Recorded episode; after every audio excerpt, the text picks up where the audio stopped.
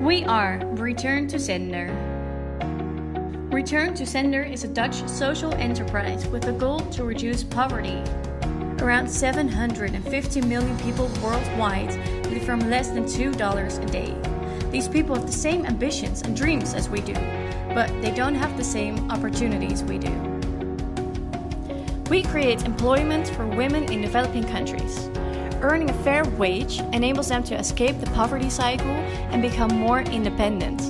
This empowers them to take care of their family on their own and send their children to school. Our products are a result of the collaboration between Dutch designers and producers in developing countries. We sell the products in Europe, and the profits of these sales are sent back to the producers. Together, we can make a difference.